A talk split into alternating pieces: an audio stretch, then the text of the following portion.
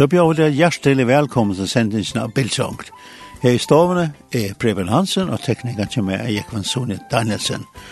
Og i morgen får vi høre et samrøve vi Kors Kristensen, som, som mengan har vi erfaring og har visket her som uh, pastor eisene i tre år.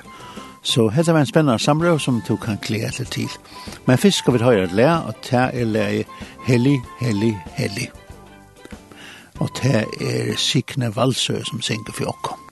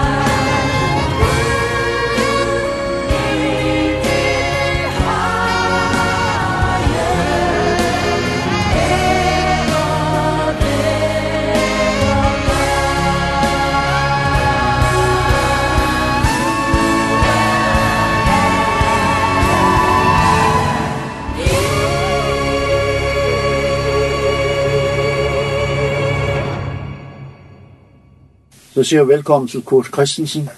Tak for at du kunne komme her i studiet i dag. Det er bare en glæde. Endnu en gang er du på færøerne. Ja, jeg pendler.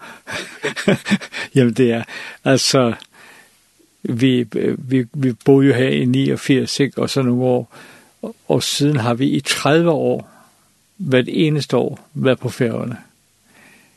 Og i, nu i år, i en speciel anledning, så har vi været der to gange. Så jeg er lige ved at være bange for, at de bliver trætte af os. Men øh, det, færgerne er jo, betyder så meget for os. Altså, det er også noget guddommeligt i det.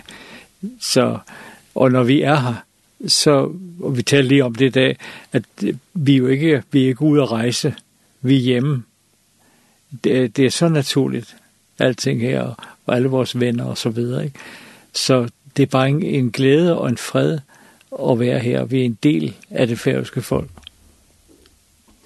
I kom første gang øh, 89, ja. men det, det skal vi ikke, det skal vi vende tilbage til. Ja. Uh, uh, du er var opvokset i Nordvestkvarteret i København. Ja, Udderslev Torv. Og uh, der var din uh, familie, var de medlem af en kirke? Ja, altså, de, de blev det, uh, og, og det, det betød jo, at vi kom med i søndagsskole, Altså min, min, min far var ikke en troende, man gik så til en, en herrefrisør, der hed Hugo Petersen, som jeg fik lov at hilse på senere i mit liv.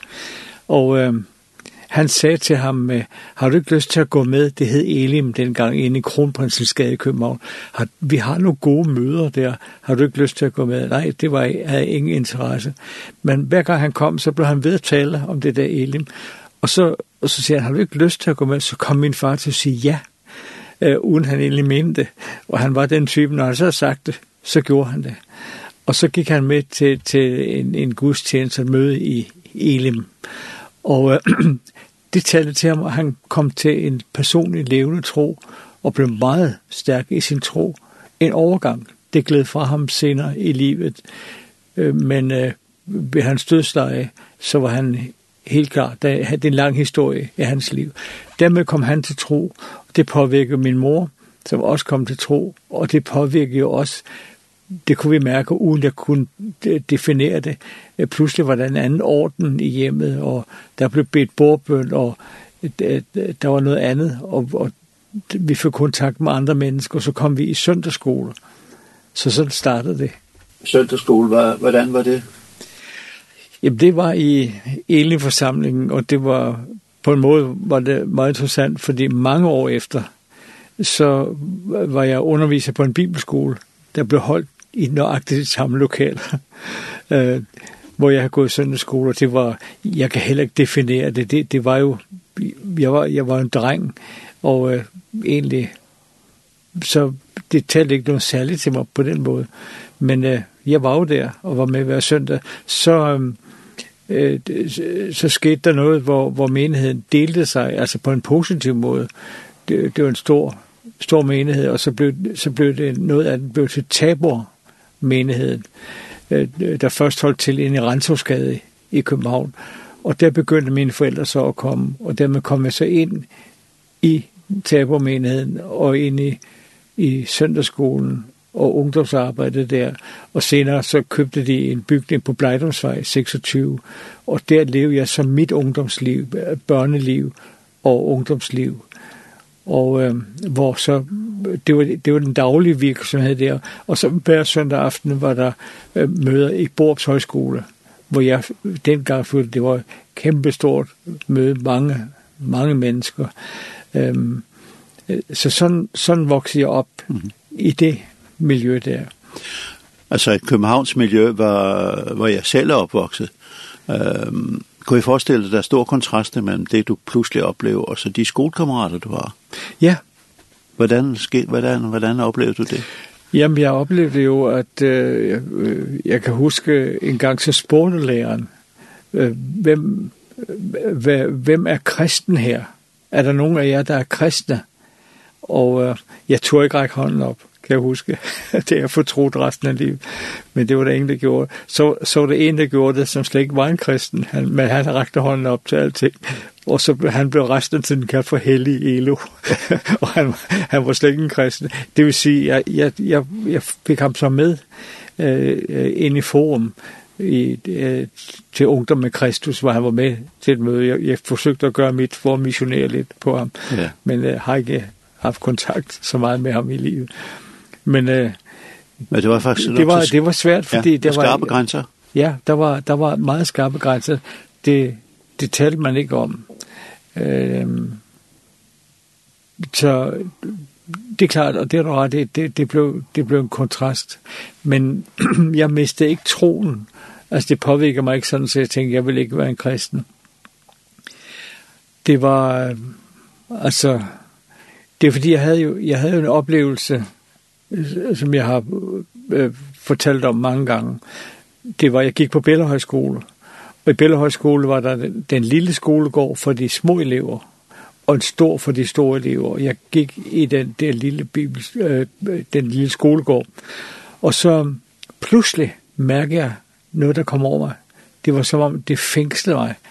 Jeg stod fuldstændig stille, og, øh, og i dag ved jeg, at det var helligånden der simpelthen kom, kom over mig, uden jeg kunne definere det dengang. Og øh, pludselig opfattede jeg mig selv som en gudstjener, og jeg så mig selv med en folkekirkepræste øh, krav på. Det var den eneste måde, jeg kunne se det på. Og jeg ligesom fornemmede, at Gud ville noget med, i mit liv. Og så forsvandt det. Og så kan jeg huske, at jeg stod der og ligesom tænkte, hvad nu? Og så, så tænkte jeg bare ved mig selv, jamen jeg er jo en dreng. Og så sprang jeg højt op i luften, og så begyndte at og lege videre. Ja. Men det var helt, i dag ved jeg jo det, at det var helt til en udvælgelse. Ikke? Ja, hvad vil du sige, kalde det en syn, en åbenbaring, eller hvad vil det Ja, at det, det, det står stadigvæk i min erindring, at det, det, var, det var simpelthen, jeg ved ikke, hvor man kan sammenligne det med, men det var, det var en hilsen fra himlen. Ja. Og det var ikke, fordi det påvirkede mit trosliv på den måde, for så gik jeg jo med til møderne i Borups Højskole med mine forældre, og også nogle gange tvunget lidt med. Og jeg sad derinde i, i det store lokale og kædede mig meget. Jeg forstod ingenting af det rigtigt. Det sagde mig ikke noget. Og jeg kan huske, at dengang gik alle damerne med hatte, og så, så for at beskæftige mig, så sad jeg og talte hatte. Det. Øhm, pludselig, mens jeg sad der, så hørte jeg den røst, jeg har lært at kende gennem hele livet. Hvad vil du med dit liv? vil du, vil du tjene mig, eller vil du leve for dig selv? Det er så tydeligt, som hvis du vil sige det højt her. Jeg blev så overrasket. Så jeg siger helt tydeligt på barnlig måde, jamen Gud, hvis det er dig, der taler, så har jeg jo ikke noget valg. Der blev jeg født på ny. Pludselig åbnes mit sind og mine ører. Jeg forstod, jeg forstod det, og det greb min hjerte. Der begyndte min åndelige rejse. Man kan måske sige, at ordet det ordet Bibelen blev sået ned i dit hjerte, du sagde, og forstod, du sagde, du forstod ikke meget. Nej, men, men, men, nej, ja, men, men så kom ligesom den der kaldelse, kan man sige, som jo også er helt rørende. Tænk, at, at der sidder en lille dreng der i Borbs Højskole og keder sig, og så kommer Helligånden. Og de har lært mig meget med, med børnene. Vi skal være opmærksom på, altså Gud taler til børnene, og vi skal sørge for, at børnene kommer i kirke så meget som muligt, og i søndagsskole, og hvad vi nu har. Det, det, det har jeg i hvert fald lært mig, og det har vi så også arbejdet med hele livet. Så det var en, det var en, det var en klar omvendelse. Altså børn kan jo godt virke meget ja, og så, opmærksom. Ja, så, så fyldte det jo der ja. mit liv. Øhm, på en, en, en, en skøn måde. Og, og der, jeg ved jo i dag, at det var, det var den der udvælgelse til at være herrens tjener, ikke? det, der, kom, der kom senere en, en decideret kaldelse, men det startede der. Ja. Det der med, med altså, helligånden, øh, bevidstheden om helligånden. Ja. Øh, du fortalte en gang, at du, at du en dag så var, talte du i tunger. Kan du forklare det lidt? Ja, altså... Øh, i den, den kirke, jeg gik, der, var, der talte man om Helligånden Og man talte om Helligåndens dåb, og Helligåndens dåb bevirkede, at man fik det der nye sprog i tunger, tungetalen, hvor man taler hemmeligheder med Gud og et bønnesprog. Og øh, øh, jeg var ikke døbt i Helligånden, jeg talte ikke i tunger, men de ungdomsledere, der var der dengang, de øh, var meget ivrige for, at de unge skulle blive døbt i Helligånden. Det er faktisk også lærerigt de, de, de ønskede, de underviste om Helligånden. Jeg kan huske en gang, at det, de, der var et bønnemøde, hvor vi skulle bes for, og det trak ud næsten til midnat, og de bad for os, og, og, og jeg var så træt, og var så træt til sidst. Så, så jeg, næsten, jeg sagde bare ud i luften, jeg kan ikke mere. Og i samme øjeblik, så blev jeg fyldt af Helligånden og begyndte at tale i tunger. Og det fyldte mig i den grad men sådan kraft, så, så, så det forvandlede mig ikke øjeblikkeligt, men det var helt, jeg kørte på cykel jo gennem København. Det, er det var på Blejdomsvej. Og, og jeg kunne mærke det. Der var noget, men så kom tvivl og sagde, ah, det var noget, du selv lavede. Det var ikke, det, det, altså sådan forsøgte djævlen at tage, tage det ud af mit liv, ikke? Men så, øhm, så faktisk allerede søndag aften, jeg var med til det store møde i Borgs Højskole, øh, så pludselig hørte jeg den røst igen sige i mig, den velkendte røst, sige, du skal rejse dig og tale i tunger midt i forsamlingen her. Og der sagde jeg, det kan jeg ikke. Hvis der er flere hundrede mennesker, det, det kan jeg ikke. Men så kom Helligånd over mig, og jeg rejste mig, og så var det og så med en stor stemmekraft. Jeg havde også dengang en ret stor stemmekraft. Jeg råbte det ud. Men øjeblikkeligt kom der en udlægning fra selve lederen af kirken, som var så klar så forstod jeg, at Gud havde givet mig tungetalen, ægte tungetale, og givet mig gaven til at tale i tunger mm. i menigheden. Og det har fulgt mig siden. Ja, Bibelen lærer også, at hvis der er en tungetale i menigheden, så skal den udlægges. Ja, ja. altså det er en af delene af, af, af tungetalen. Det, ja. det er den, der, er, der er en tungetale, der er til personlig opbyggelse, hvor man skal i sit lønkammer, kan man sige, eller for sig selv så skal man tale meget i tunger, for det er et fantastisk bøndesprog. Øh, og så er der nådegaven, øh, sammen med de andre nådegaver, der er pro, profeti.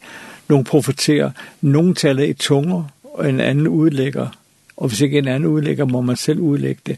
Tungetale og og udlægningen af tungetalen, det er simpelthen en vigtig gave, som desværre vil dø ud i mange menigheder. Men det var meget blomsterne, der hvor jeg voksede op. Så det var den oplevelse.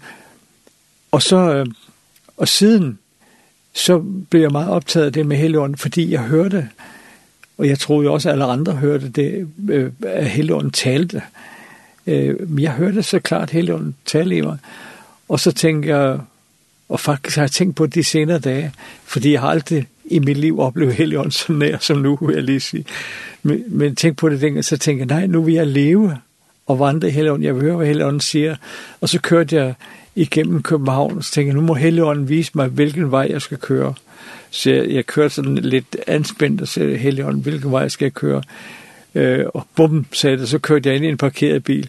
Og så, og så stod jeg der, øh, og så pludselig blev jeg klar over, og jeg lå af mig selv det er jo ikke sådan, det foregår. altså, du skal også se dig for, ikke? Og, og, og du skal også bruge din, din, din forstand og dine sanser. Men alligevel lærte mig noget. Senere har det vekslet lidt frem og tilbage. Men jeg tror på, at et, et hvert menneske kan være let af Helligånden, høre hvad Helligånden siger, være fyldt af Helligånden, i den grad, at, at det påvirker vores tanker, det påvirker, det, det er som en åben dør, Jesus har givet os, da han døbte os, eller, eller gav talsmanden Helligånden til at være hos os på jorden. Så det, det er min oplevelse. Og så, så kom jo, øh, så mærker jeg den her kaldelse i, i mit liv. Jeg prøver jeg, at forklare lidt. Uh... Øh... Ja, altså jeg, jeg, jeg mærker ligesom, at jeg, at, øh, øh, jeg, jeg hørte røsten inde i mig, som siger, du skal ikke leve dit liv, almindeligt liv. Du skal være min tjener. Og det er også noget, jeg, jeg, jeg fejrede det væk, så det, det kan ikke være rigtigt. At, og jeg havde ingen fantasi over at blive nogen stor prædikant eller noget som helst. Øh, men det blev ved med at vende tilbage. Så kom jeg ind i, et, i en bønnesamling i Tabor-menigheden, som den hed. Og der var lederne til, for menigheden til stede den aften. Og øh, pludselig går de hen. Forstanderen Hans Friberg gik hen og lagde hænderne på mig og profeterede over mig, hvad det var, jeg gik og tænkte på, og det var Herrens vej, så åbnede, så åbnede vejen sig. Det var jo helt uventet for dig. Fuldstændig. Det var fuldstændig uventet, men jeg, jeg, jeg har aldrig gået efter øh, profetier, for jeg har altid siger, herre, tal til mig selv, så kan profeti stadfæste det. Mm. Øh, det har også lært mig undervejs i livet. Ikke? Men der startede det, så, og så, øh, øh, så øh, øh, Så var der en bibelskole i Oslo øh, i 1957, og øh, der foreslog lederne i medlemmer at tage på den bibelskole i Oslo. Det var fem uger. Det blev Hvor gammel var du dengang, siger du? Jamen, jeg tror, jeg var, jeg var 16 år, 15-16 år. Ja. ja. Jeg gik ud af skolen lidt for tidligt. Jeg gik i mellemskolen, som det hed dengang. Det er fortrudt lidt, at jeg ikke gennemførte op til realeksamen. Men jeg, jeg var så fyldt med det der, og det har heller ikke haft egentlig nogen betydning. Men så... Så, så, så tog jeg på den bibelskole, og der var også en anden fra Tabermenen, der skulle med, og vi, vi, vi, vi bad, og vi fastede, og, Og øh, så tog vi det op, og det var alle de, de gode, gamle øh, undervisere og forkyndere, altså øh, svære Kornmo og, og, og andre øh, det, det, det er de allerbedste forkynder der underviser os, så vi, vi, vi fik et grundlag. Og jeg kan huske, at så når vi var færdige med bibelskolen, blev der taget et billede af bibelskoleopholdet inde i salen, og der var en talerstol. Og jeg kom til at stå midt på talerstolen i billedet. Og øh, mange år senere, så kunne jeg ikke lade være med mormor, for der stod jeg og prædikede i den samme menighed, hvor jeg, hvor jeg var underviser på samme bibelskole. De havde bedt mig at komme op og undervise på samme bibelskole, og der stod jeg og prædikede. Altså man kan se herrens vej, ikke? Så kom, når jeg så kom hjem, nu vil jeg tale jer for mig her, øh, Preben. Øh, øh, nej. Så, så, når jeg, så når jeg kom hjem, så, så stod jeg der og så gik jeg ind til øh, forstanderen, Hans Friberg, på kontoret, og så vidste jeg ikke, hvad jeg skulle sige. Jeg kan huske det. Jeg stod bare der, og så siger han meget, meget klogt, her er jeg, send mig. Og så siger han, jeg skal rejse til Aalborg øh, og have nogle møder. Har du lyst til at tage med mig? Og det var en meget stor slå af ham. Jeg skulle ikke prædike eller noget, jeg skulle bare bære hans taske. Så jeg tog med ham til Aalborg, og øh, så begyndte jeg at vidne lidt der, og så, så rejste han hjem, så siger han, øh, de vil gerne have, at du bliver her, lidt i Aalborg, og her har du et returbillet, fordi vil ikke betalte noget, men øh, du kan komme hjem. Øh, og så gik jeg jo der, og jeg, det lå allerede i mig, det med bønden. Jeg bad jo og søgte herren, og, og jeg prædiker, folk kom, hvor jeg var helt over, det var de andre også overrasket over, at folk ville lytte til sådan en ung mand, men der var et eller andet, der tog fat af. Så, så når, jeg, når jeg, jeg lå der og bad, så siger Helligånden, og det er det, jeg gerne vil have fat i hele tiden, fordi det, det er Helligånden, jeg vil ære her. Helligånden talte til mig og sagde, du skal til Bornholm. Jeg vidste intet om Bornholm. Altså ikke andet den her irritation for skolen, man skulle lære byerne udenad, og jeg vidste, det lå derude i Østersøen. Vi har intet forhold til Bornholm. Du skal til Bornholm. Og så tog jeg hjem til, til, til, til menigheden igen, og så kommer, der var to forstandere, der var en gammel forstander med sådan et jysk accent. så kommer han, så kommer han og siger til mig, de har ringet fra Bornholm, at de har brug for en ung mand i arbejdet. Jeg tror, det er dig. Og så siger han, det tror jeg også. Fordi herren har, øh, så unge frimod, herren har talt til mig om, at jeg skal til Bornholm. Så det var mig. Så kom den anden forstander, Hans Friberg, som jeg havde jo meget godt for, det er mit store forbillede, øh, så, så, så siger jeg, jeg skal til Bornholm. Bornholm, sagde han. Nej, det skal du ikke, sagde han. De slår dig ihjel derovre. og så, så stod jeg der, men jeg, jeg var fuldstændig overbevist om det. Og øh, så, så øh, var der kontakt med Bornholm. Jeg egentlig havde ikke nogen selv personlig kontakt. Det hele blev forberedt, og øh, jeg havde ingen jordisk ejendel. Jeg havde en sovepose, og jeg tror bare, jeg havde en skjorte og et par bukser. Og så, så synes jeg livet var spændende i den store menighed, hvor jeg var, at, at de begyndte at bede for mig, nu skulle Kurt til Bornholm, og han skulle tjene med evangeliet. Og så kom der en, en mand, der arbejdede i Ilum. Han kom og færede mig 50 slips, hvor det synes han, jeg skulle have med. Så jeg kom med en sovepose og 50 slips øh, med natbåden øh, til, øh, til Bornholm. Dengang gik der kun natbåde. Og... Øh, det var jo også en selvsom oplevelse. Jeg har aldrig været den tur før. Og så om morgenen, så kom der en af, af, af menighedsleder, en gammel mand, og han talte så Bornholms, så jeg fik et helt chok. Stik, det ville jeg aldrig kunne forstå, det sprog. Det er næsten ligesom færøsk. Øh, og han talte noget om en, en tista, og, og, og brugte sådan nogle rigtige Bornholmske ord. Men så kom jeg op til forstanderens bolig, og de, det var tidligt om morgenen, så de var ikke stået op endnu. Så jeg sad, jeg sad inde i stuen der, og øh, tænkte, jeg tænkte ikke sådan, altså jeg, jeg tænkte jeg, jeg, jeg, det har jeg tænkt bagefter, var jeg fuldstændig naiv. Jeg, jeg var bare der, fordi Gud havde sendt mig der, og nu sad jeg der sammen med Helligånden i, i stuen, og, og vidste ingenting, jeg har ikke engang mødt dem på nogen måde. Så, øh, så kom der lidt liv i huset, og øh, så hører jeg øh, noget, nogle, nogle piger, der fnisede. Eh og, og det, det var sådan, så kom de ned ad trappen, og så skulle de lige kigge ind i stuen på det her fænomen, for jeg skulle være deres ungdomsleder. Og den ene af dem, det var Inger, som blev min kone. så det var også en morsom oplevelse, som jeg tænkte mig meget, ikke?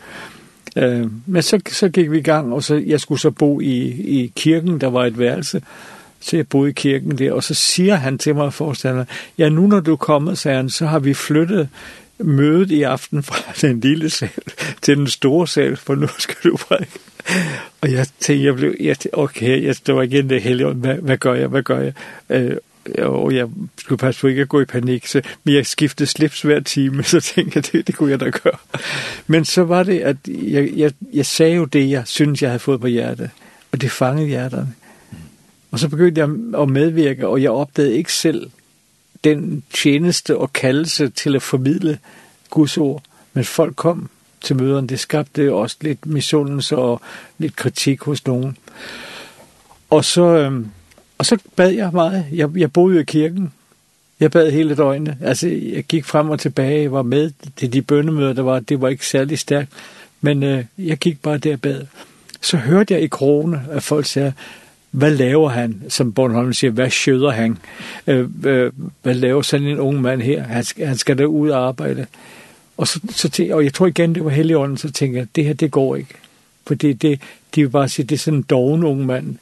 Jeg, jeg gik, jeg, jeg, når jeg skulle spise, gik rundt til de forskellige medlemmer. Det var, det var heller ikke rart, altså. Men øh, så tænkte jeg, nej, det går ikke.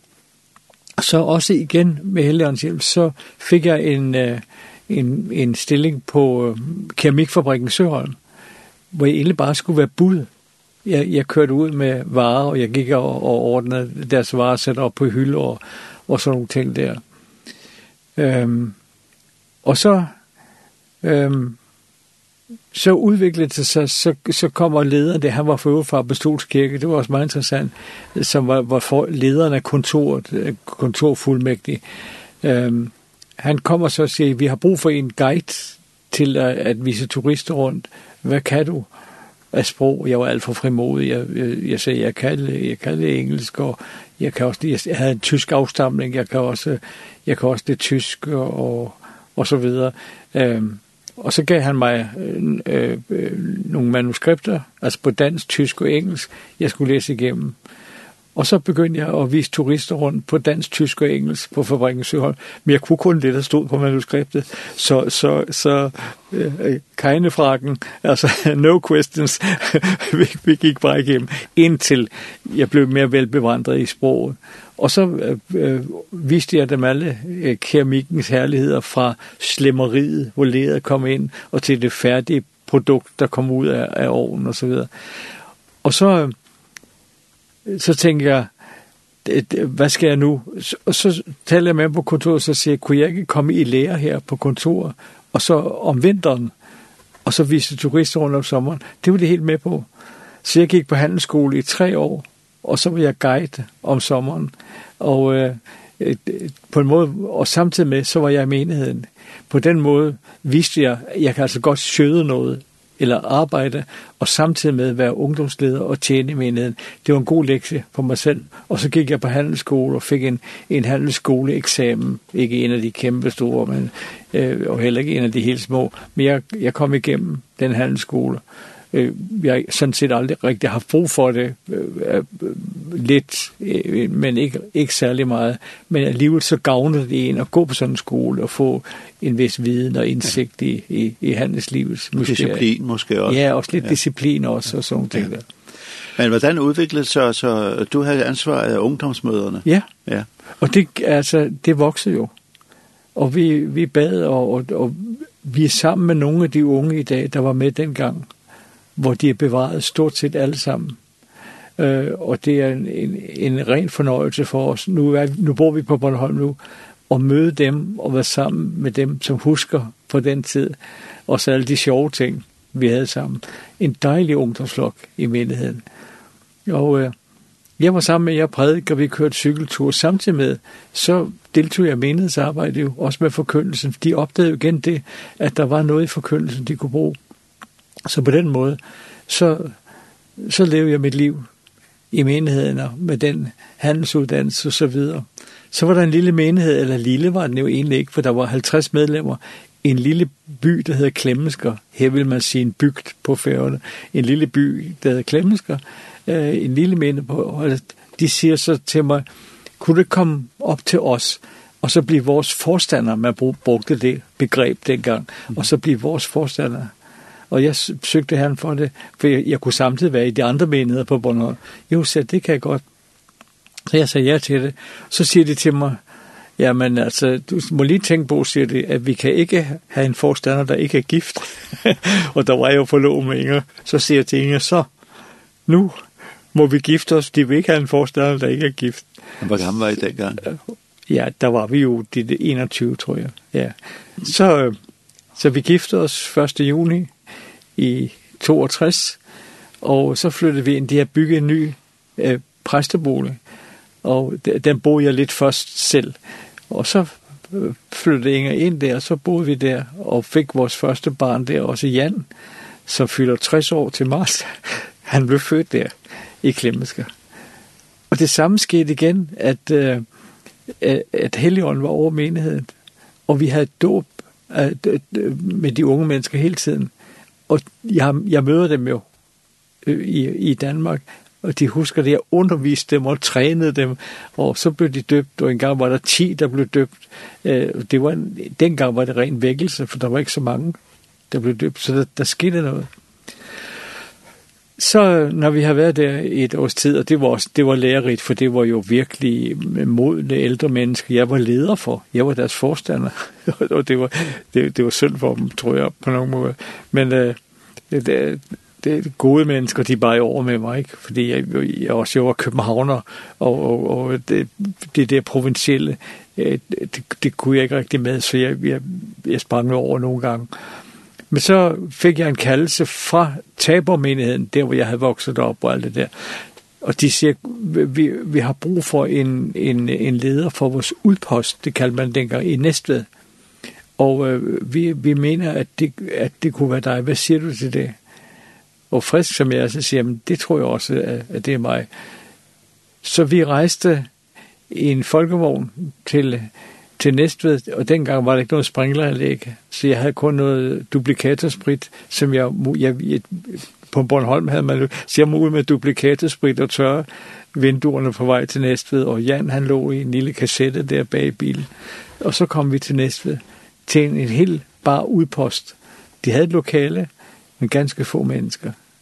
Så begyndte det samme igen det begynder at vokse. Folk kommer til, også forskellige steder fra, og der rejser sig et, et, et lovsangskor, som ovenikøbet blev kaldt på, der var ude og synge andre steder. Og øh, salen blev fyldt med mennesker, og der var mange, der var mange oplevelser.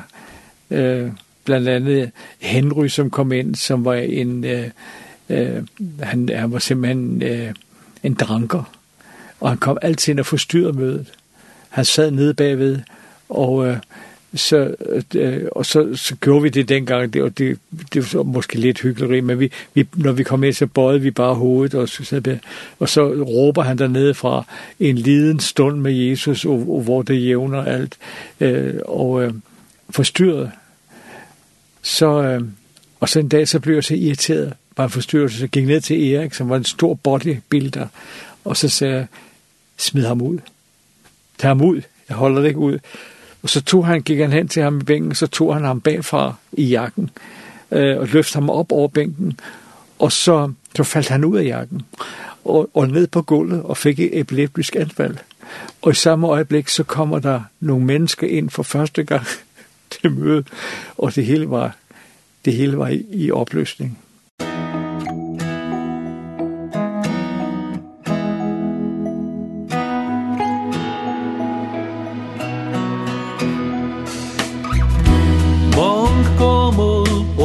galdrandi för. Okkun signingar birna Jögnu nættini lit önar luiv Tei sjálvi ein signing vera. Minnist i fitja i gamlan mann Som lutlan förleika kjente ofta nymande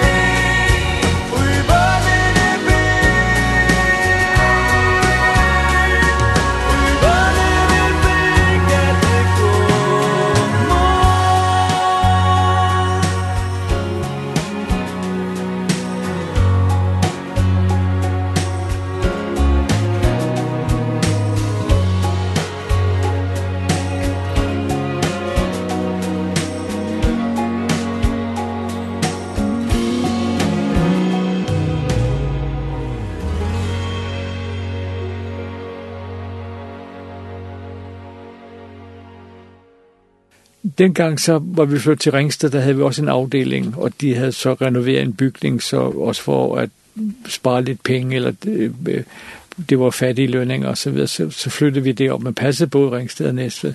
Så, så kørte jeg hjem til Ringsted, og så fik jeg en åndelig kamp.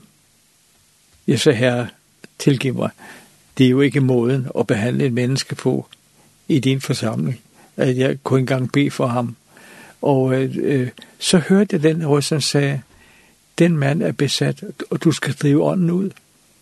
Det er aldrig været udsat for. Det var helt, helt uventet. Det var fuldstændig uventet, men jeg kendte røsten, og øh, så, så kom jeg til næste møde, og jeg var helt optændt af det, at hvis Henry, øh, øh, men han var fuldstændig stille den dag. Ånden var simpelthen bange. Øh, og så så tænkte jeg, hvordan gør man det her? Jeg har hørt no nogen sige, at, at man skulle spørge ånden, hvad det var for en ånd, og så videre. Så det var et, et helt drama, som vi har mors usigeligt over bagefter. Så jeg gik ned til ham, og så med myndig røst, så sagde jeg, hvad hedder du? Og så siger han, jamen jeg ved, du ved da godt, jeg hedder Henrik. og så sagde jeg, herre, hvad nu? Men så så jeg noget i hans øjne. Jeg så en anden, der kiggede ud af hans øjne med en dyb frygt. Og så siger du, dæmon, hvad hedder du? Så skreg han ud. Jeg hedder fuldskab. Og så siger jeg, jeg råbte nok også lidt højt, så, siger fuldskab så, far ud af ham i Jesu navn. Så klastede han sammen, blev ædru på stedet. Næste dag i Ringsted, så bankede det på vores dør. Så stod der en mand udenfor, nydelig klædt på. Det var Henry fullstændig løst. Mm. Øh, så havde han, han havde en dom hængende over sig, så han kom i fængsel, og vi, vi kontakten, den gled ud. Men det glemmer jeg jo aldrig. Nej. Og det ligger stadigvæk i mig. Jeg, jeg, har været, jeg, jeg har også været en del i Afrika, jeg har jo været med til det flere gange senere i livet, og jeg er meget opmærksom på det at det er også, der kan være, det er ikke altid det er dæmoner, men der kan være dæmoner, der påvirker mennesker. Så, så det, den vrede, og du havde, det blev forvandlet til kærlighed? Ja, ja. ja. Det blev forvandlet til kærlighed, og det var ikke, det var, ikke, det var min skyld. Altså, jeg, ja. jeg skulle have, jeg skulle have, jeg skulle have spurgt hele ånden, hvad gør jeg? Mm. I stedet for bad jeg Erik smide ham ud, ikke? Altså, hvor han skulle være behandlet på en helt anden måde. men jeg siger det åbenlyst, fordi det kan hjælpe os alle sammen, fordi vi, vi bommer i det. Men øh, vi havde sådan faktisk en, en, en, en regulær vækkelse der. Øh, I Ringsted var det faktisk også lidt, lidt vækkelse, for på tog, der var en masse skoler, tekniske skoler i Ringsted, og de gik og kede sig, de unge mennesker, så, så vi har friluftsmøde på tog i Ringsted, så kom der. Og ofte var 100 mennesker, så inviterede vi dem ind i det lokale til kaffe, og de havde jo ikke andet at lave, så de kom, og vi sang og prædikede, og nogen, nogen kom til tro, men det var benhårdt område. Og så, øhm, men så kom der en kaldelse fra, fra Vejle, Pinsekirke, om vi ville komme der og være forstander på. Og så var det til Vejle. Og, så, og der oplevede vi også en vækkelse. Det samme, nøjagtigt det samme igen, Helligånden, det åbenbarede det. Der sad måske 20 mennesker på gulvet, da vi kom. Og øh, når Helligåndens liv så brød igennem, så var kirken sprængfyldt, simpelthen. Og øh, på et år var der 20 mennesker, der blev døbt, og, og og Bethesda, hvis nogen kender noget til det, så det blev oprettet derfra, og pionermissioner og andre ting blev oprettet derfra. Det var en regulær vækkelse. Så kaldte de på mig fra København igen, om, det var min, min, min forstander, Hans Friberg, han havde sådan brug for hjælp.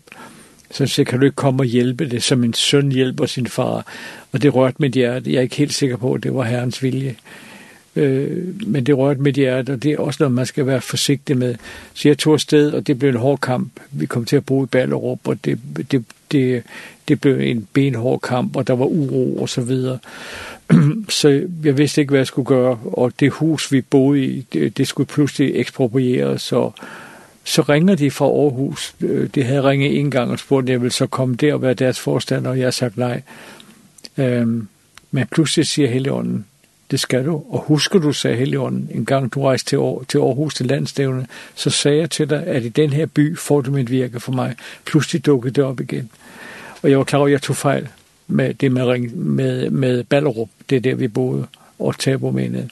Så jeg siger til Hans Friberg, øh, jeg, jeg tager sted til Aarhus. De har brug for, at deres forstander var død i en trafikulykke, og de stod i meget sårbar situation. Så vi tog det op og opleve det samme igen. En herlig tid med mindene også, også fra en meget svag tid til en virkelig vækkelse, og hvor vi også i Gellerup Center oprettede menigheder, og vi havde et team, tror jeg, på, på 10 eller måske flere, der arbejdede med i arbejde, og vi havde bibelskoler og, og alt muligt.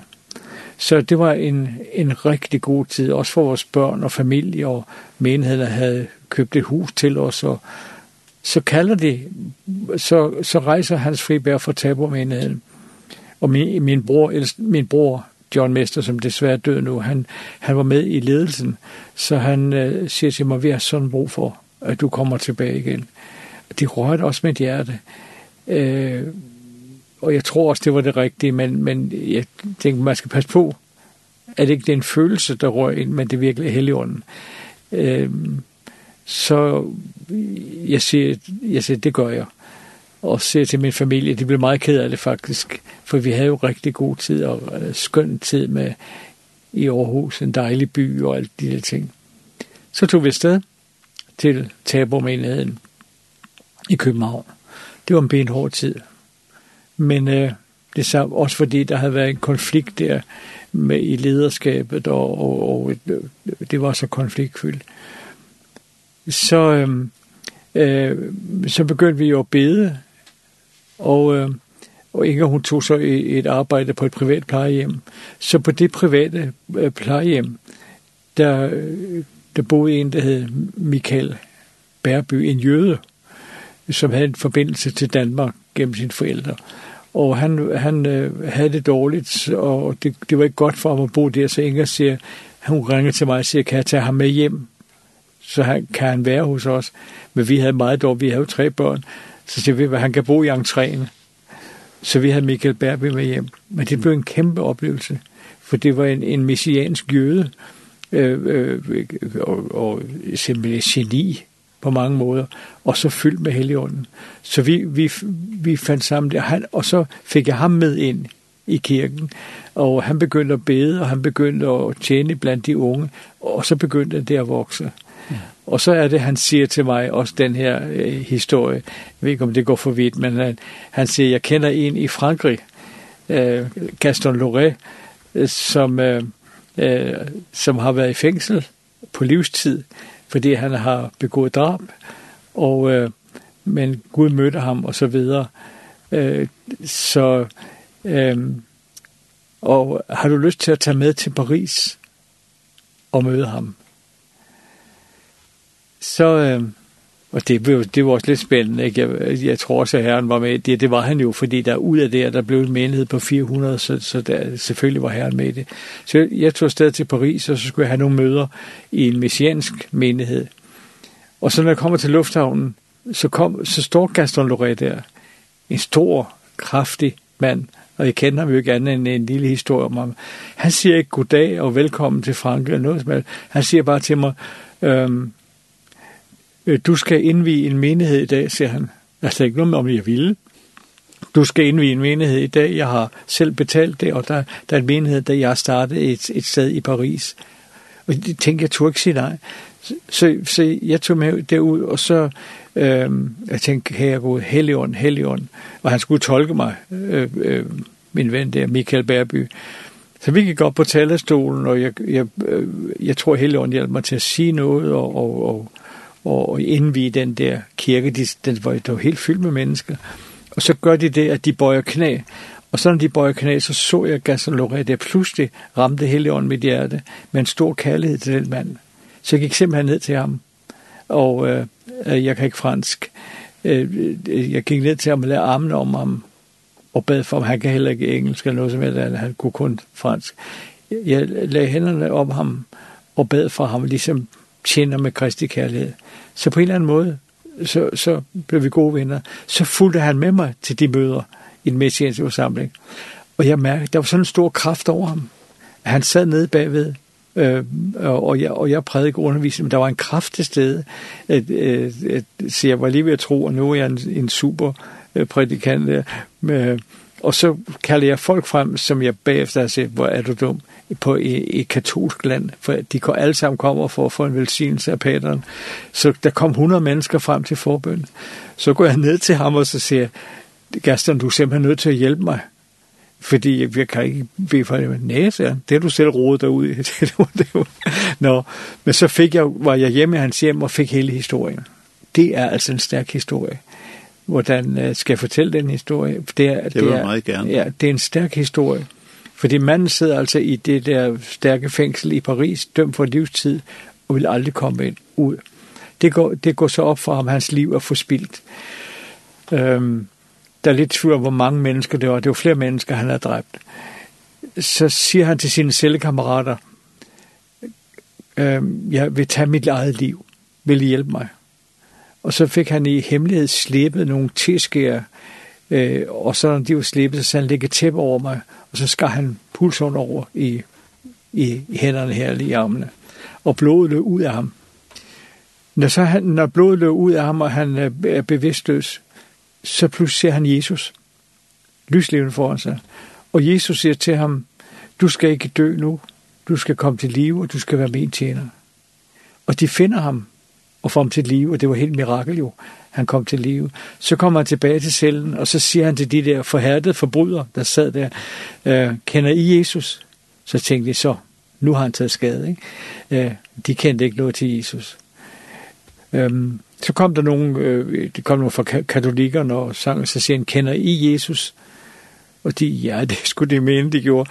Men så, nej, siger han, jeg tror ikke, det er ikke den Jesus, siger han så kom der altså en lille gruppe der øh, karismatikere og, og bad og vidnede og så videre. Så siger han, dem kender I Jesus? Jamen det er jo derfor, vi er her, siger det. Øh, det er den Jesus, siger han.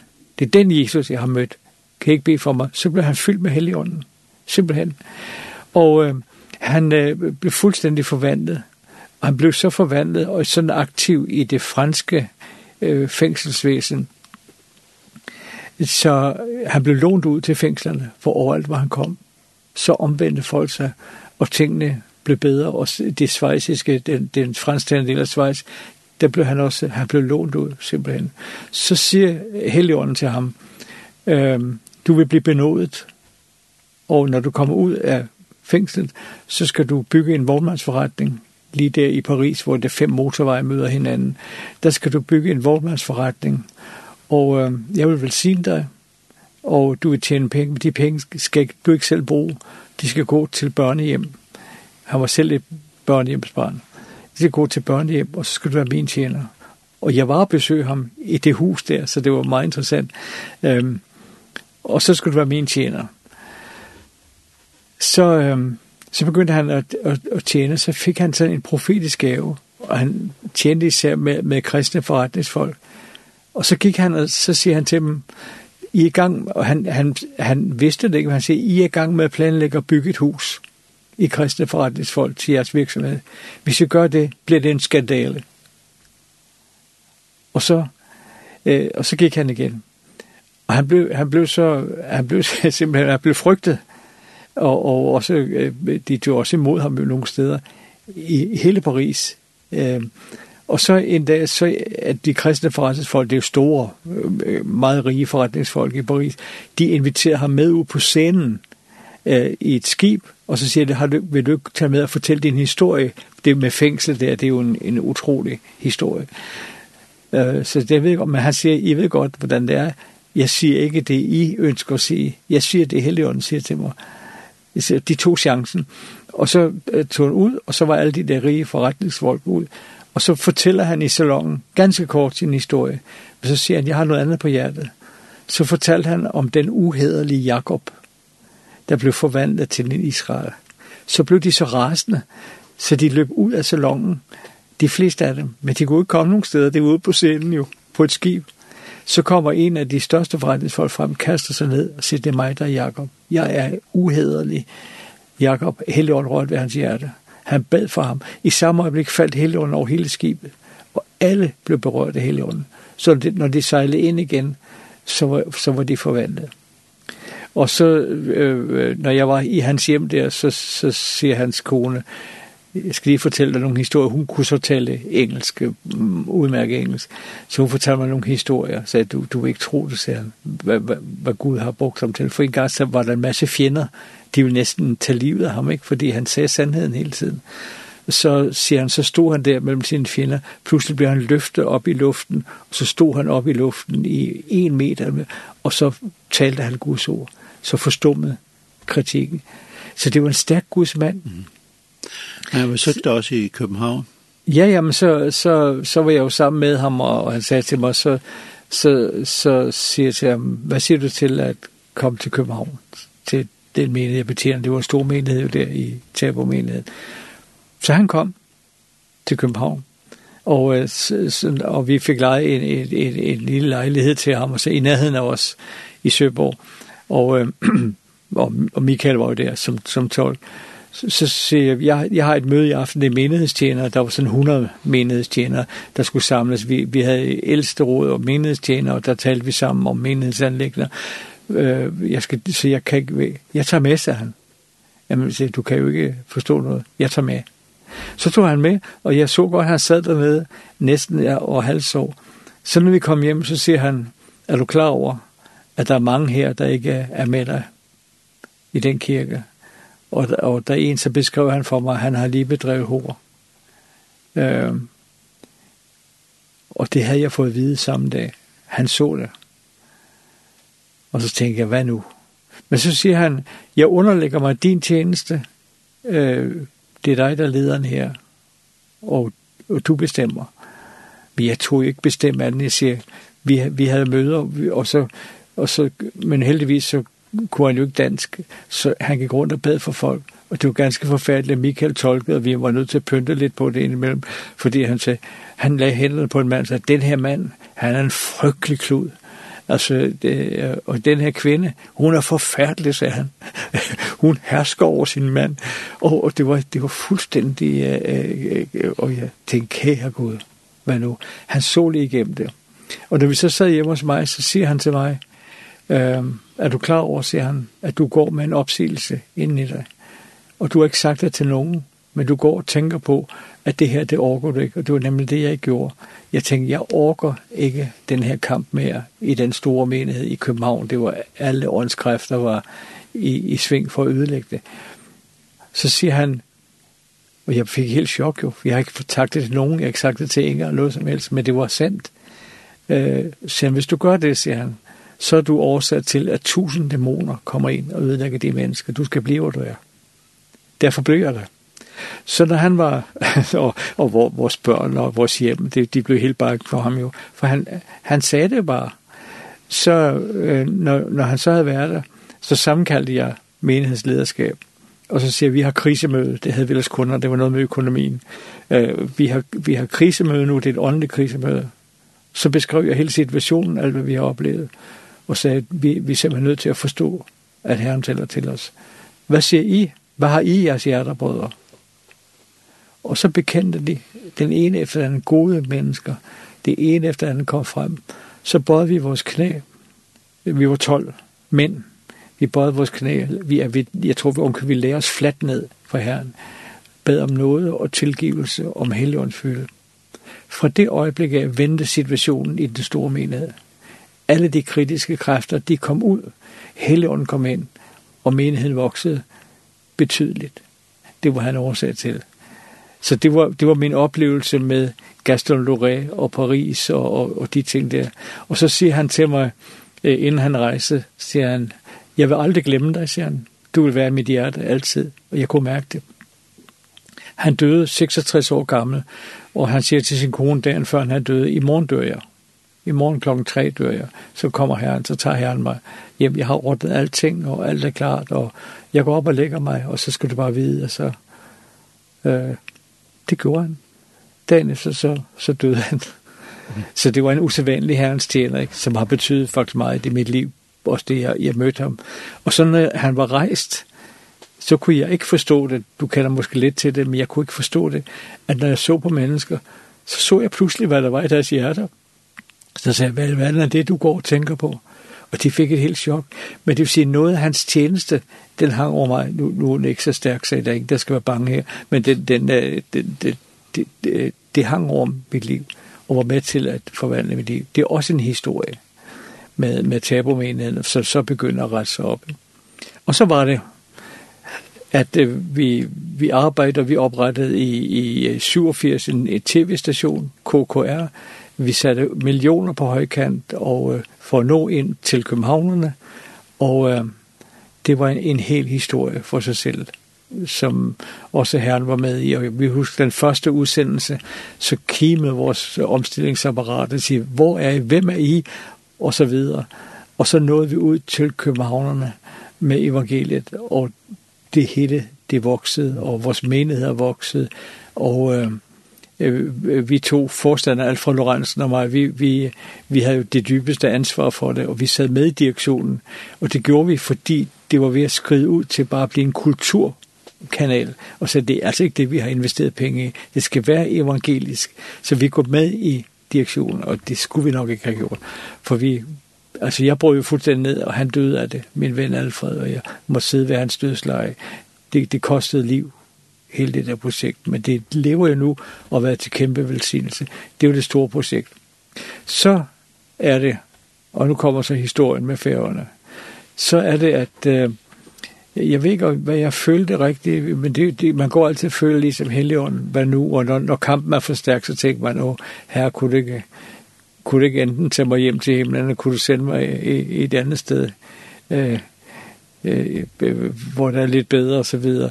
Det vi, jeg kan ikke huske, om, vi havde, om det var en svær tid, men jeg ved bare, at vi fik et brev fra Thomas Jacobsen fra Philadelphia-menigheden, øh, hvor han skriver på sin sjove måde, øh, lidt halvfærdisk og dansk, øh, så skriver han, jeg kender ham ikke, så skriver han, at øh, om jeg kunne tage overlov fra tabermenigheden og komme op til færgen og hjælpe. De følte, de havde en kritisk situation, om jeg kunne komme op og hjælpe dem her. Og, og, og den her historie glemmer vi jo ikke, for, for jeg tænkte, hvad er verden, tænkte jeg. Ikke? Øh, og så, så begyndte jeg at le og løftede brevet. Inger, hun stod lige i køkkenet ved siden af. Så siger Inger, hør nu her. Tænk, hvad de færinger finder på at spørge, om jeg kan tage overlov for den her kæmpe menighed og tv-arbejde og, og alt muligt, og tage op til færgerne for at hjælpe til. Og så var det, det skete i brøkdel af sekunder. Helligånden kom som et lyn, gik igennem mig og siger, jeg hørte rysten, ikke vredt, men jeg hørte rysten sige, det kun var mig. Le ikke, det kun var mig. Og pludselig var jeg fuldstændig løst og sagde, jeg gør det her jeg gør det. Og jeg brød alle bro. Og ikke noget med til overlov, det kan man heller ikke, altså for en stor mængde. Ikke noget med til overlov, det hele, vi rejser. Og så stod vi den der dag i 89, jeg ved ikke om du var det, men vi stod med vores container på parkeringspladsen, som var ved at bryde sammen for øvrigt, øh, Philadelphia, øh, øh, og så stod jeg der, så tænkte jeg, kære herre, hvad har jeg gjort? Og lige et øjeblik selvfølgelig, at Herren sendte mig til Patmos, og ikke chaufføren. Men så, så nu kender du så det historien fremover, ikke? Af, hvad, hvad der skete. Og, og lytteren kender den nok ikke.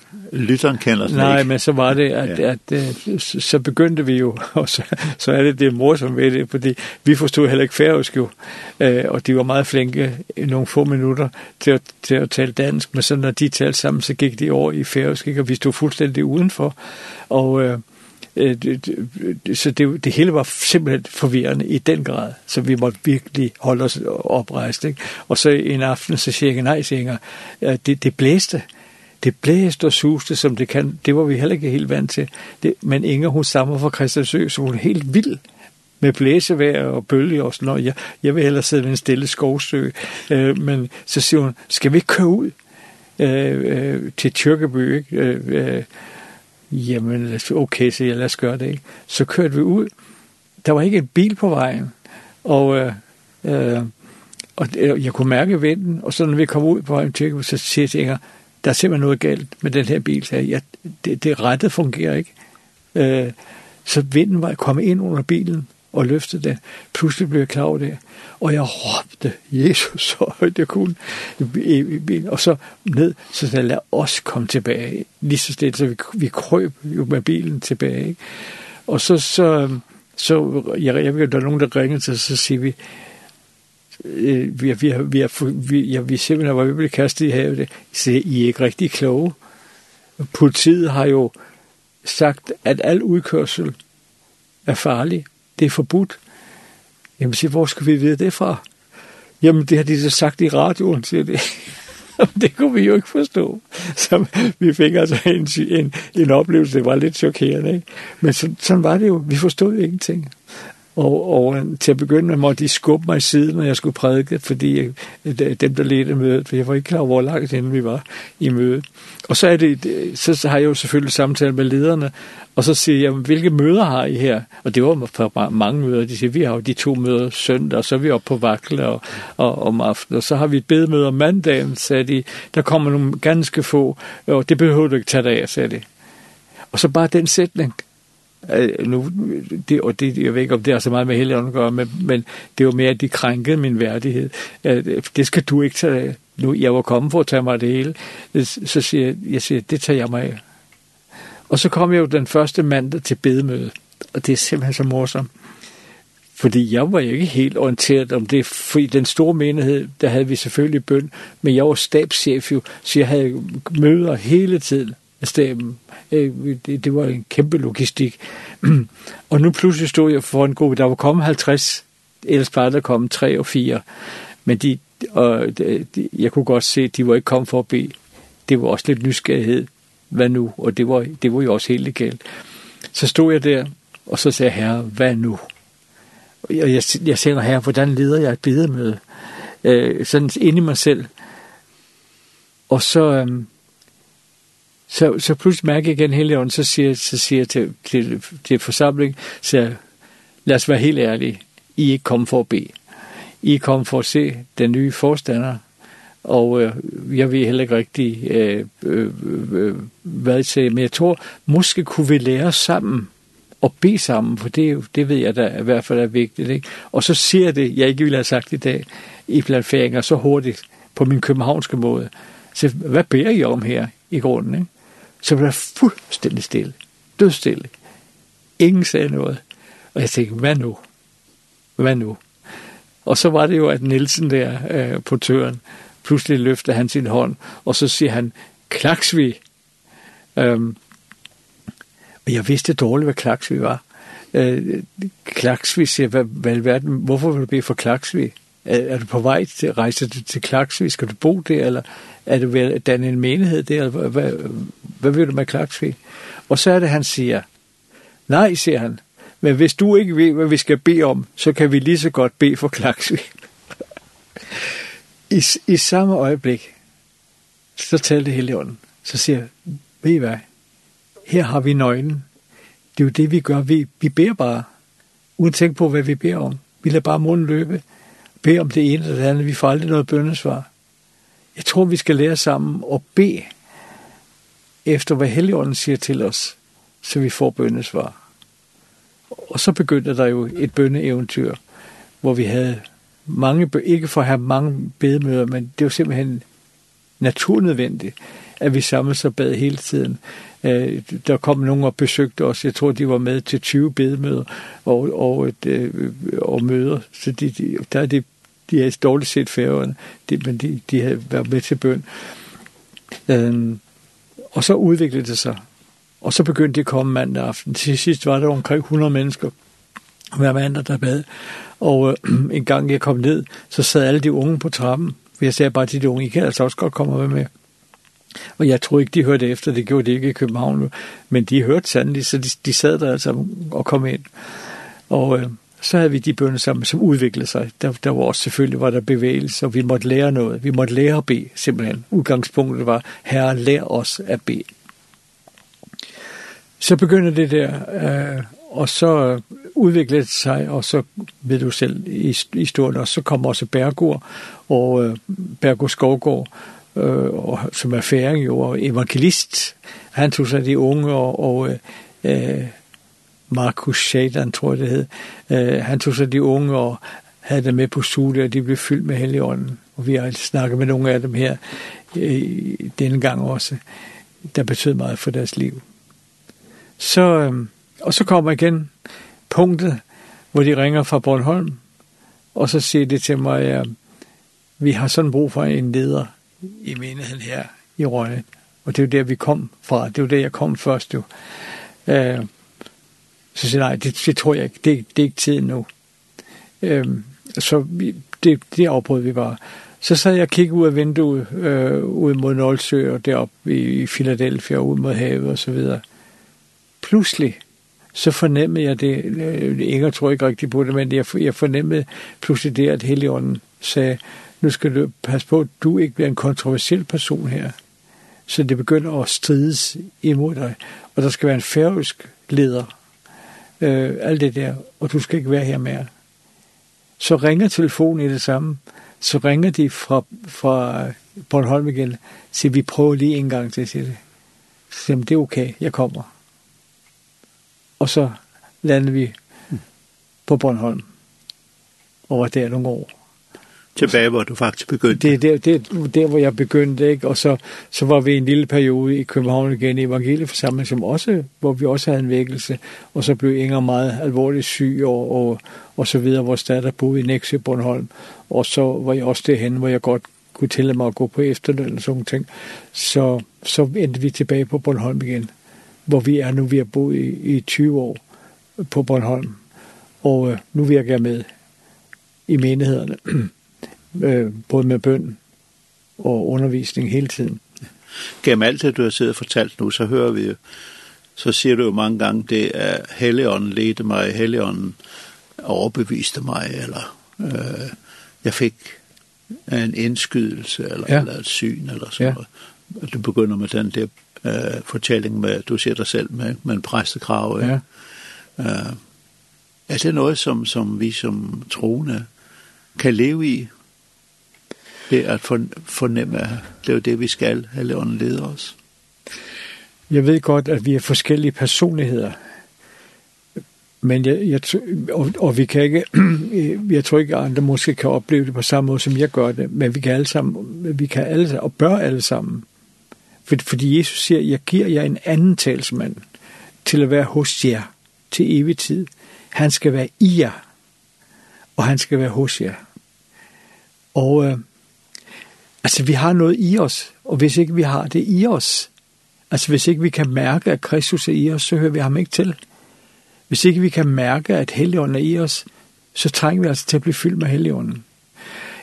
Og når Helligånden er i os, så bruger den jo den personlighed, vi er, både i måden at høre hans røst på og, og reagere på det. Men for mig står det lynende klart, at mit liv tilhører ikke mig selv.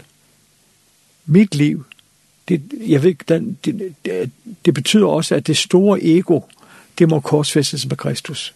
Det kan simpelthen ikke gå med sammen med Helligånden. Ånden og kødet kan ikke gå sammen. Du må afgive dit, dit ego og alt, øh, alt skulderklap på dig. Det må du afgive ved korset. Og så gå ind i, i Helligåndens liv. Og øh, så hører du. Altså, jeg, jeg siger det ikke, men jeg kan bare huske, at Benny Hinn engang skrev bogen, Godmorgen Helligånd. Altså, du står op, ligger sammen det gør jeg også, Helligånd. Det første, jeg gør om morgenen, altså helt ubevidst, så siger Helligånd. Øh, og jeg påkalder Helligånden, Helligånd, også når jeg står i en vanskelig situation, Helligånd så kommer Helligånden altid, altså den er jo i mig, men kommer altid og overtager tankerne og handlingerne også hvad jeg ikke skal gøre. Helvede siger også, hold din mund. Lad være med at blande dig i det. Lad være med at gøre det. Det er altså, for mig er det, nu ved jeg godt, jeg er meget tæt på, på, på perleporten, men for mig har det aldrig været så klart, som det er nu, og jeg oplever det hele tiden. Det, det, det, det er så naturligt. Vi skal tænke på, at at Helligånden blev forberedt i Jesus som menneskesøn til at være i os. Det var et 100% menneske, Helligånden virkede igennem, og der, der blev Helligånden også menneskelig. Så vi, vi kan være fuldstændig menneskelige, leve i det naturlige liv på jorden, men ligesom Jesus lever sammen med Helligånden, det er det eneste naturlige liv. Ehm og, og, og sidste gang vi, vi var her, det var bare sådan en lille morsomhed. Vi kom ind i, i, i, i, i flyveren til, til færgerne, og så har vi vores billet, og så sætter vi os på en forkert plads. Så kommer øh, stewardessen og siger, må jeg se jeres billetter? hvor det er lidt i hård i filmen. Øh, I sidder forkert, sagde hun. I skal sidde derovre. Så kom der nogen i det samme, så sagde vi, vi kan da bare sætte os her og blive bare siddende. For der sad så en, der sad så en mand ved siden af mig, Og så når jeg går dit, så hører jeg Helligånden igen. Tæl med ham. Og det er en mand, som simpelthen var pint af sin religiøse opvækst, og kendte ikke til Guds kærlighed. Jeg glemte helt, hele rejsen, og ikke kunne bare sove hele vejen til værende. Og, og den mand der, han har oplevet Kristus og Guds kærlighed på vejen til færgen. Og, og så der tænker jeg igen, ja, Helligånden, var du genial. Mm. Vi sætter os forkert. Det er Helligånden, der placerer os forkert, for at jeg skulle kontakt med den mand. Altså, der er så mange, og man skal passe på, at man ikke laver eventyr, og man skal ikke opsøge det. Man skal ikke opsøge eventyr hele tiden, og så tro, at oh, det, det er Helligånden, og det er held, nu er Helligånden lidt, men lad, lad være at fortælle om det. Nu beder du mig at fortælle om det. Men ellers lad være med at fortælle om det. Lad være med hele tiden at sige, hvad det har jeg oplevet, og det Helligånden har sagt til mig, sådan noget. Det er ikke Helligånden. Hold din mund men vær led af Helligånden lige så stille. Det er, altså jeg siger i mit liv, jeg vil ære Helligånden til det sidste, og jeg hører også, hvad Jesus, øh, for det går vi imod Helligånden, jamen tænk, hvad det er, vi går imod. Hvis, hvis vi fornægter Helligånden og toner Helligånden ned, går vi imod selve den tredje person i treenigheden. Vi går imod Gud selv det er da klart, at det synker, og vi kommer ned på et mærkeligt religiøst plan. Vi skal ære den helligånden ved at tale ret om helligånden, ved at lukke os op for ham, og lade være med at være hårdmodig. Altså Jesus sagde det også meget skarpt. Han sagde, den der taler et ord imod helligånden, han vil ikke få tilgivelse, hverken i denne verden eller i den kommende. For Jesus respekterede helligånden så stærkt i sit liv, den tredje person i guddommen. historien om ditt liv, du er 12 år, så sker der ting og sager. Ja. Og faktisk er uddannet Helligånden dig til at høre mere ja. og være ledt af ham. Ja. Hvad er, hvad er den største øh, forhindring i vores, i øh, vores liv til at, øh, at komme dertil? Er vi for travlt beskæftiget? Er vi, øh, hvad, hvad er det, som gør at Den største hindring er jo altid os selv. Og det er vores egoisme, vores egne lyster. Og jeg har også haft, jeg havde en periode i mit liv. Jeg mistede aldrig salvelse, jeg mistede ikke Helligånden, for når jeg tænker efter. Men Helligånden var bedrøvet over mit liv og over mine handlinger. Og jeg kalder det selv for en frafaldsperiode, selvom jeg stod som en forkynder og leder.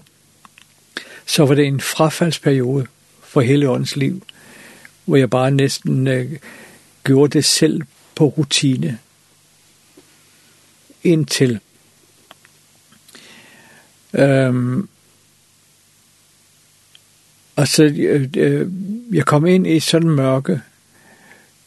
Øhm, jeg kan huske, at jeg jeg satte mig i min stol, jeg havde undervist, og så satte jeg min stol, pludselig så følte jeg nu, Gud forladt mig bum, sagde det.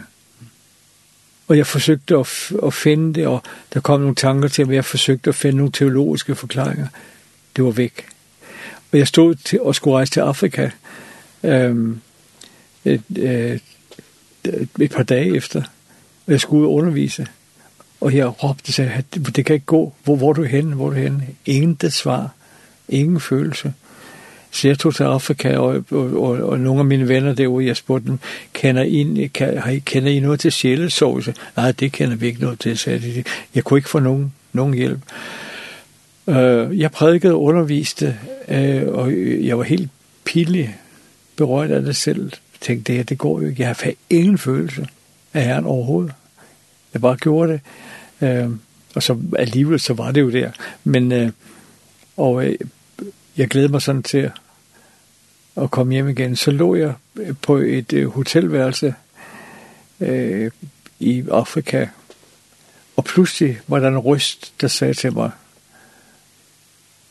du ender som, så nævnte det et navn, hvor en af mine venner og kolleger var gået fuldstændig ned psykisk øh, og, og, og er død nu altså.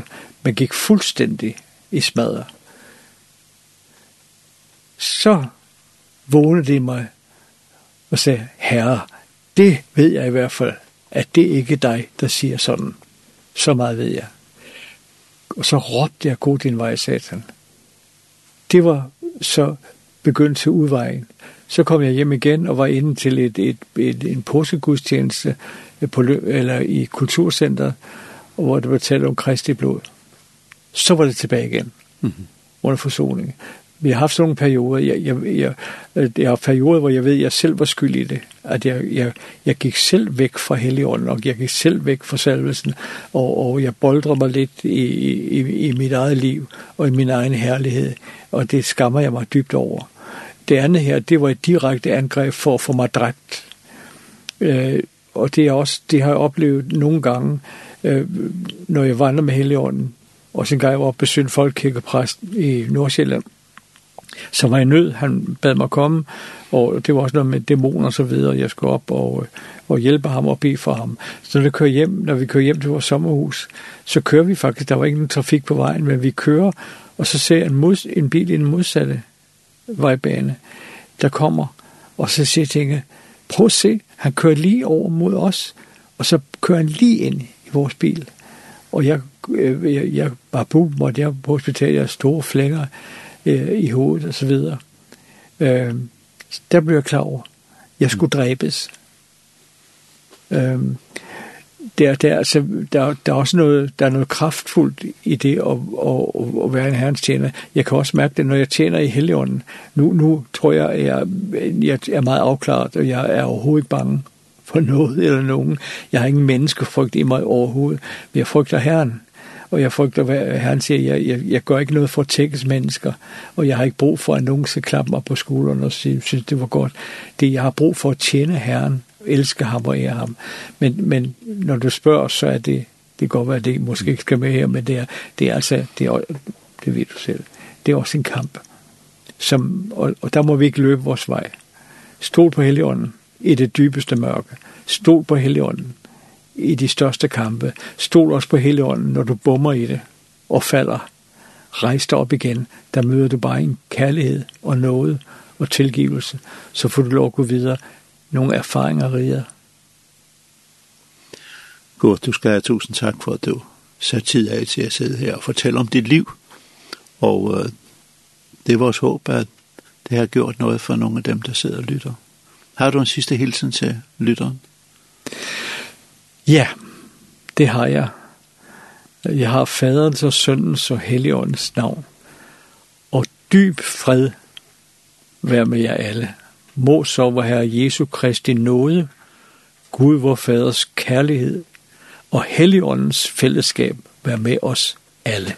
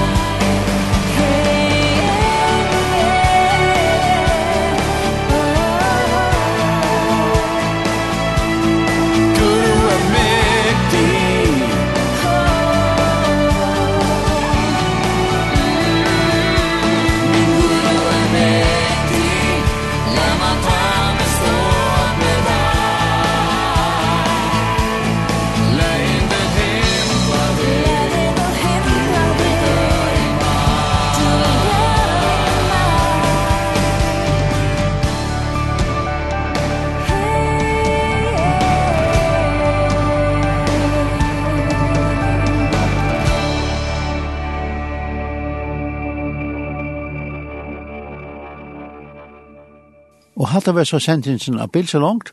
Gjesta okkara i morgon var Kurt Kristensen. Jeg Eita Preben Hansen, og teknikeren til okkon er Jekvansone Danielsen. Så takk for at du lustet vi.